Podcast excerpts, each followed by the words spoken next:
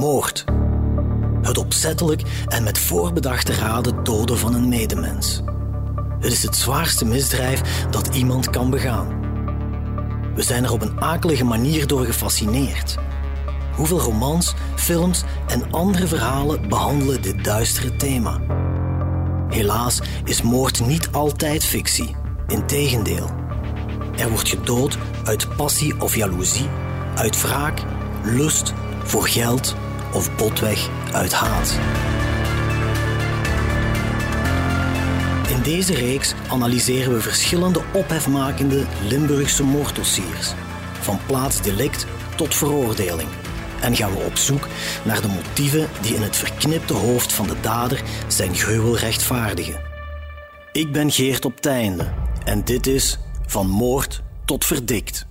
De parachutemoord, deel 3. Lust en dodelijke jaloezie. Voor de parachutemoord was er zeer grote aandacht van het publiek. Tot in het buitenland. Op een bepaald moment heeft men zelfs vanuit Engeland en Amerika naar mij getelefoneerd voor interviews die ik dan niet heb toegestaan. Dit is een, een, een, een uniek gebeuren. Het is een moord die de mensen aanspreekt, omdat het zo raadselachtig is, zo mysterieus. En omdat het zo uniek is. De meeste mensen doden door, door te burgen, door, door eh, een mes te gebruiken, door te slaan. Maar iemand doden door zijn uh, parachute te saboteren is wel iets uniek. Dus vanuit dat oogpunt was dat een media interessante moord. Ik ben uh, gebeld geweest door uh, Franse pers, door uh, pers uit de Verenigde Staten. Die eerste week, dag en nacht gebeld geweest, stonden thuis op de stoep. we zijn, na een week zijn we naar, naar mijn schoonouders in huis gegaan om gewoon even een paar uur niet lastiggevallen te worden. Ik denk dat een week later of een paar weken later ben ik op vakantie gaan, een paar dagen, dat mijn broer die mijn huis uitkomt gefotografeerd wordt. Dus op dat moment uh, ben je ook nog altijd alsof dat je in een film bent, uh, dat je door verschrikkelijk lastig gevallen wordt. En dan merk je dat je eigenlijk drie soorten pers hebt. Enerzijds de ernstige pers die, die je eerlijk en correct behandelt. Dan heb je de middenmoot geen probleem ook niet. En dan heb je de, ja, laten we het maar de rioolpers noemen, die gewoon op zoek zijn naar uh, smeuïge details. Het hoeft niet waar te zijn als het maar smeuïge details zijn. En, en, en, die ook geen, geen rust gunnen en, en je proberen woorden uit, uit de mond uh, te, te rukken en, en uit een verband uh, te trekken. U hoort Jeffer Massen, de advocaat van de echtgenoot van Els van Doren. En Jurgen Kamps, de hoofdinstructeur van de club waar de 38-jarige vrouw de dood vond. En het klopt wat ze vertellen.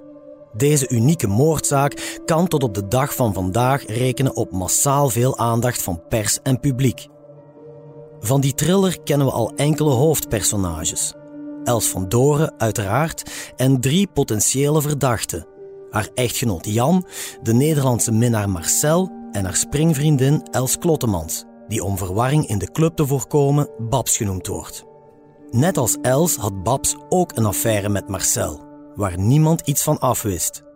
Het is bij hem thuis in Eindhoven waar deze aflevering begint. Wanneer op maandagochtend, twee dagen na de moord, Els Klottemans getuige is van een telefoongesprek tussen Marcel en de echtgenoot van Els van Doren, die intussen door de politie op de hoogte is gebracht van de affaire van zijn vrouw. Er is een telefoongesprek geweest tussen Marcel de minnaar. En tussen meneer De Wilde, omdat uh, Jan De Wilde zat met heel veel vragen van wat is het nu? En, en die pilotshoot, hoe zit dat daarmee? En daarom was er een telefonisch contact tussen hem en Marcel. Dat heeft ongeveer een uur geduurd, waarbij Marcel als thesis vooropstelde dat er drie mogelijkheden waren. Ofwel Vinden we de pilotshoot niet, dan is het een raadsel. Ofwel vinden we die dicht bij het lichaam, dan is het een ongeval. Ofwel vinden we die ergens ver weg. En in dat geval zitten we met sabotage.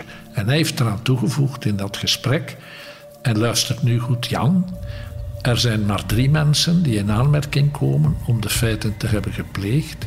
Dat ben ik, maar ik heb het niet gedaan. Ik zeg u dat in eer en geweten. Dat is Els Klottemans, waar ik het met haar besproken heb. En zij ook zegt dat zij het niet is. Dus zegt hij, Jan, dan is er maar één mogelijkheid en dan zit je wel in vervelende papieren. En dat is herhaaldelijk gezegd tijdens dat telefoongesprek. Els Klottemans wordt die maandag bij de politie van Genk verwacht voor een getuigenverhoor. Tijdens dat gesprek zal de studenten vertellen dat ze onderweg de vermiste trekparachute van Els van Doren heeft teruggevonden, hoog in een boom. Dat hoorde u al in de vorige aflevering. Dat zij die pilotchute heeft gevonden is volgens Klottemans een ongelooflijk toeval. Totaal niet, zegt advocaat Scheffer Masse dan weer. Het was een doelbewuste actie. Toen het telefoongesprek gedaan was, heeft Marcel tegen mevrouw Klottemans gezegd: haas je nu dat je bij de politie bent, want je bent al te laat en men verwacht u daarvoor verhoor. Maar tot drie maal toe heeft Marcel, voor zij vertrokken is, tegen haar gezegd: En let op, Els, maak dat u zich niet vergist en dat u niet rechtdoor rijdt aan dit bepaald kruispunt, want er is een omleiding en je moet daar naar rechts. Want als je rechtdoor rijdt, ben je fout. Tot drie keer toe zegt hij dat, maar ze rijdt dus fout. Uiteraard doelbewust. Waarom? Omdat zij die wil vinden, die pilotshoot, precies omdat tijdens dat telefoongesprek Marcel ook gezegd had, en als de pilotshoot gevonden wordt, en ver van haar lichaam, wat het geval was, want die hing in de bomen, dan is er sprake van sabotage. En dan zit Jan in vervelende papieren.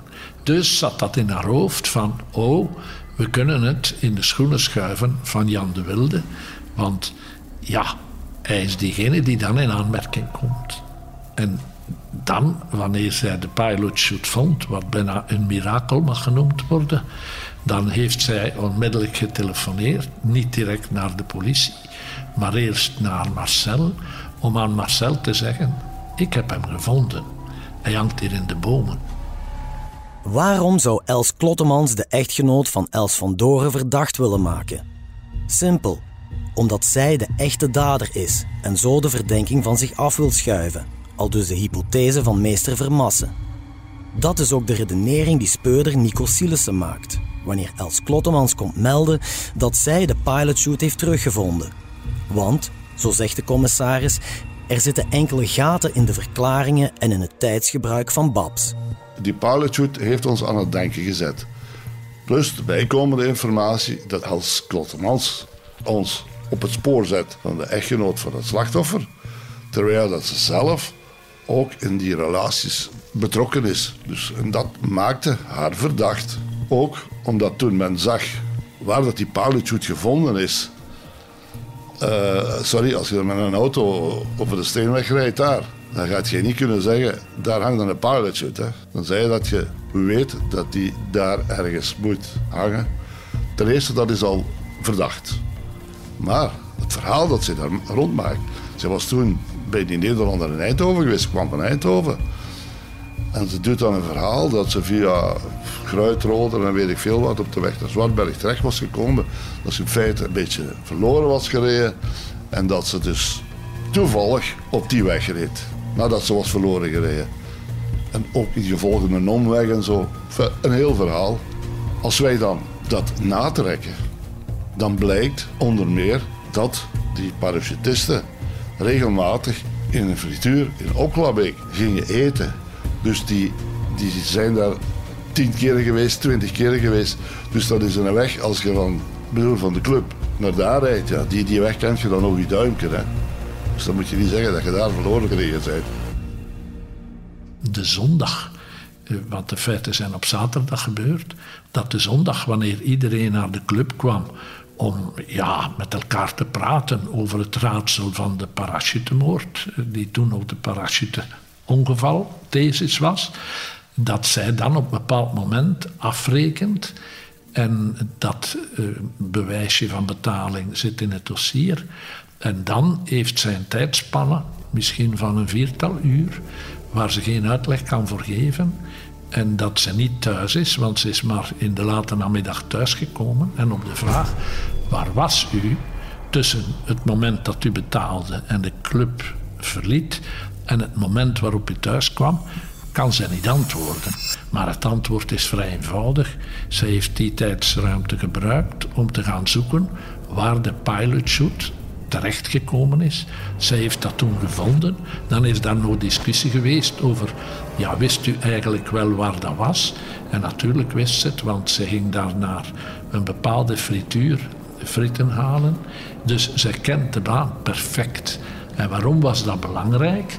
Omdat wanneer zij ondervraagd werd in het kader van de moraliteit en op een goede morgen zei tegen de politieman die haar ondervroeg ik moet nog even terugkomen op mijn verklaring van gisteren namiddag. En daar moet je een kleine aanpassing in aanbrengen, want dat moet daar niet in staan van die frituur. Uiteraard was de politieman op dat ogenblik zeer alert en heeft gezegd: Oh, als dat dan niet moet instaan, moet dat toch wel zijn belang hebben. En is men gaan zoeken waar de frituur zich bevond. En heeft men dan vastgesteld dat dat juist op die baan was die zij dan eigenlijk niet zou moeten volgen hebben en waar de pilotje teruggevonden is. Ook Jurgen Kamps, de centrumleider van de parachuteclub, fronst de wenkbrauwen wanneer Els Klottemans hem opbelt met het nieuws dat zij de pilotshoot gevonden heeft. Als ik op die weg rij en ik kijk naar de plaats waar die gevonden is, ik zou nooit gekeken hebben naar die plaats. Die ging, moet oncomfortabel naar boven kijken. Het zijn dichte bladeren. Ik zou, ik zou als ik er gestaan had en ik had gekeken, ik zou hem zelfs nog niet gezien hebben. Dus het is achteraf dat heel onwaarschijnlijk dat je die gewoon door met de auto te rijden, die zou gezien hebben. Dat kan ik zeer moeilijk geloven. Er is nog iets dat Jurgen is opgevallen. Afgelopen zaterdag al wanneer hij de leden van de club ervan op de hoogte brengt dat de parachute van Els niet gefunctioneerd heeft. Het eerste wat de mensen dan doen is, wat wil je nu zeggen?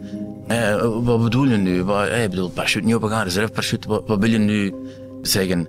En wat mij heel hard opviel, dat is dat eh, Els Klottemans, dus Babs, onmiddellijk op de grond is gezakt en heel hard in, in, snikken is uitgebarst. Terwijl dat iedereen nog stond, maar wat wil je nu eigenlijk zeggen? Dit is Hetzelfde als iemand jou belt, uh, jouw vader komt vanavond niet meer thuis, dan stel je ook de vraag, maar wat wil je nu zeggen? Het nieuws heeft toch even tijd nodig om door te dringen. En dat is dan de eerste uh, hele rare zaak. Oké, laten we alles eens op een rijtje zetten. En aannemen dat Els Klottemans inderdaad wist in welke omgeving ze de pilotshoot moest gaan zoeken. Dat ze dus doelbewust is gaan rondrijden. Dan blijft de vraag hoe ze in dat geval kon weten waar ze precies op zoek moest gaan. Wel, volgens meester Jeff Masse is daar maar één logische, glasheldere verklaring voor. Als zij daar de pilotje terugvindt, die eigenlijk onvindbaar is, dan betekent dit toch dat zij hem zien wegvliegen heeft en dat zij, wanneer zij gesprongen heeft, uh, op dat ogenblik de pilotshoot gevolgd heeft in de lucht. Maar zij had één ding vergeten en dat is dat op elke springer zijn voorhoofd staat een camera. En ze filmen dus elkaar. En dan dat op een bepaalde camera te zien is dat zij boven de anderen hangt die informatie vormen. En dat daar maar één uitleg aan te geven is, dat is dat zij wist, ik moet nu kijken waar de pilotshoot naartoe vliegt en dat zij die gevolgd heeft. De speurders zijn er hoe langer hoe meer van overtuigd dat Els Klottemans op zijn minst meer weet over de moord op Els van Doren. Ze wordt dan ook meermaals uitgenodigd voor een politieverhoor, dat in het begin zeer vlot verloopt, maar na een tijdje steeds bitsiger wordt, zegt commissaris Nico Sielissen. Een week later, of, of twee weken later, op het moment dat we wat meer informatie hadden, Onder andere via telefonie, via een aantal betrouwbare getuigen, de leden van de club, verantwoordelijken van de club. Dat je toch een beetje een beeld kunt schetsen van wie is wie, waar situeert zich wie en, en zo verder. Dan zijn we op een bepaald ogenblik uh, met Els Kottemans ja, een gesprek en verwoord. Als dusdanig ging dat allemaal heel vlot.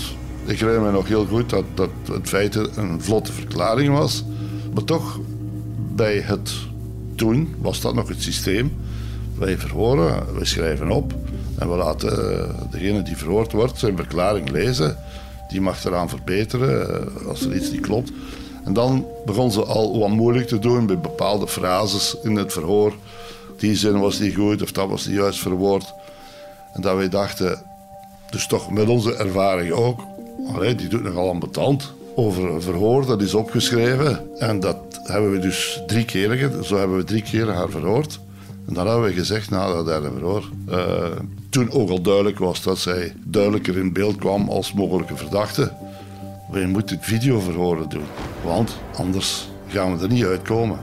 En dan zijn we begonnen met Els Klottemans te verhoren via, via videoverhoor. Zodanig dat, dat er geen discussie was over geen enkel woord dat gezegd werd. De manier waarop zij altijd was tijdens de verhoren, leek het ons heel duidelijk dat zij manipulatief was. Dat zij bepaalde dingen niet wil toegeven en niet zal toegeven. Tijdens het verhoor was ze heel, laten we zeggen, gezellig, heel soepel, vraag, antwoord, alles ging heel vlot. Maar op een bepaald ogenblik, als ze dan voelde dat er ergens een moeilijke vraag aankwam, dat had ze wel snel door ook. Hè. Dan uh, werd ze wat uh, kort af. De manier waarop zij reageert op bepaalde vragen, waar wij dan zeker van weten, zo is het. Daar kon ze zich zo in, hoe moet ik dat zeggen, in, niet echt kwaad maken. Maar ze veranderen zo onmiddellijk van, van stemming, om ons de indruk te laten dat, dat het niet klopt wat wij zeggen. Op die manier, uh, ja, dan was het bijvoorbeeld dat ze mij met mijn voornaam aansprak. Want dan ene keer sloeg dat om, als het moeilijk werd. Werd het meneer de commissaris. Dus dat ze door had dat wij met iets bezig waren ze in feite ja, niet het juiste verhaal kon vertellen. Omdat het niet klopte met de vaste gegevens dan. Hè. Langzaam maar zeker begint het net rond Els Klottemans zich te sluiten. En dan krijgen Nico Silissen en zijn moordteam plots een verontrustende e-mail vanuit Amerika. Kort nadat het onderzoek gestart was, hebben we op een bepaald ogenblik mails gekregen vanuit Amerika. Dat er in de zomer daar ook iets was voorgevallen. Het bleek dus dat er op het parachutefestival uh, een serieus incident gebeurt waarbij Babs dan betrokken was. En uh, verschillende van de Amerikanen die met ons contact bezocht hebben, die vonden dat toch wel heel belangrijk dat wij dat wisten.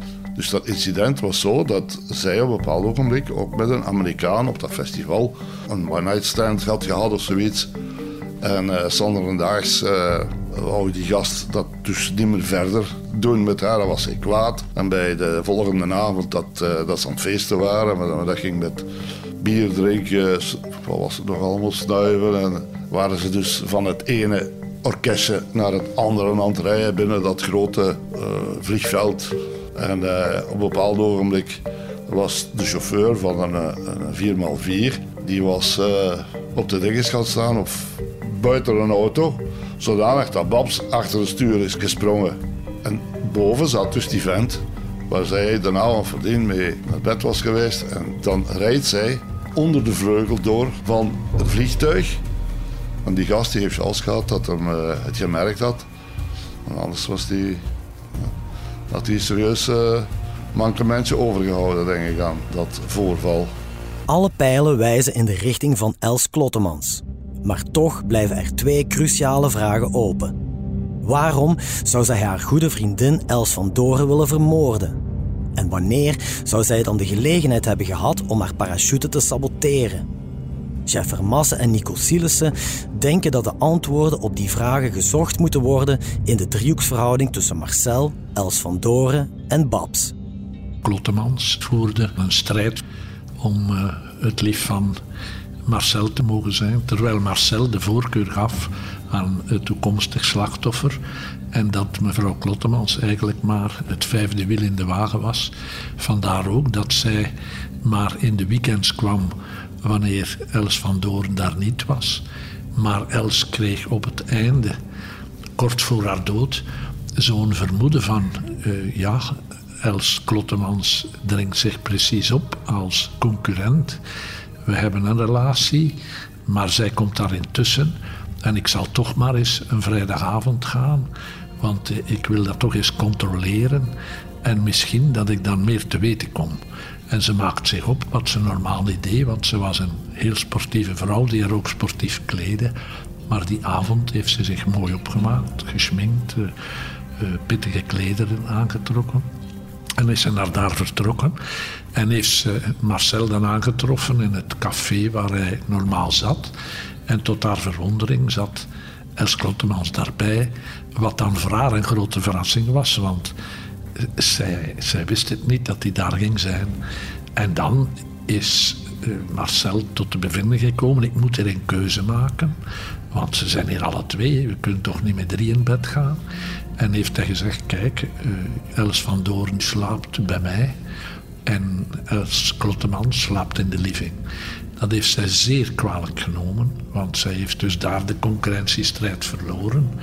En dus de hypothese is dat ze op dat moment van de situatie gebruik gemaakt heeft om de parachute van Els van Doorn te saboteren, omdat die parachutes bevonden zich in de gang en zij was daar heel dichtbij.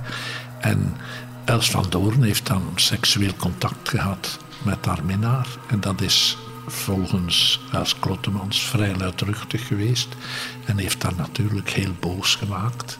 En rekening houdend met haar afwijkende situatie want zij is een psychopaat. Eh, heeft ze dat niet kunnen verteren. En is dat het moment geweest waarop ze de sabotage heeft doorgevoerd. Klottemans in een boze bui. Op het moment dat Els van Doren haar plaats terug inneemt, kwaad, woedend, weet ik veel wat, heeft niet meer nodig dan twee keer te knippen. Knip, knip, wat een halve minuut, een minuut geduurd heeft. En waarom is dat dan zo belangrijk? Omdat voordien gedacht werd aan een vreemd voorwerp. En dat het dan niet zo evident is om die te saboteren. En zeker niet op het moment zoals wij veronderstelden en dat het ook zo gegaan is. Want binnen ons team hebben we daar dikwijls over gediscuteerd. Dat ik haar altijd nog het voordeel van de twijfel gaf. Maar uiteindelijk was er geen vreemd voorwerp en was het heel simpel. Vanaf dan was ik ook 100% overtuigd dat, uh, dat zij dat perfect kon gedaan hebben. Hoewel er geen enkel materieel bewijs is tegen Els Klottemans, vinden de speurders dat er voldoende aanwijzingen en vermoedens zijn om de jonge vrouw uit Ternat in verdenking te stellen van de moord op Els van Doren. Op 17 januari 2007, twee maanden na de feiten, wordt Klottemans aangehouden en opgesloten in de gevangenis van Hasselt. Tot grote consternatie van haar directe omgeving en van half Vlaanderen. Ik zou het gedaan kunnen hebben, zegt zij zelf tijdens een gesprek met onze journalisten. Maar ik heb het niet gedaan. Benieuwd of de assisejury haar zal geloven? Luister dan morgen naar deel 4 van De Parachutemoord. U luisterde naar Van Moord tot Verdikt, een true crime reeks van HBVL Podcast. Samenstelling door Geert op Teinde, Nancy van de Broek, Filip Perges en coördinator Cato Poelmans. Montage en audioproductie door Len Melot en Glenn de Gein. Chef podcast is Geert Nies. Reageren? Dat kan via podcast@hetbelangvanlimburg.be. Ben je benieuwd naar meer nieuws en verhalen? Surf naar hbvl.be/voordelig en ontdek onze voordelige leesformules.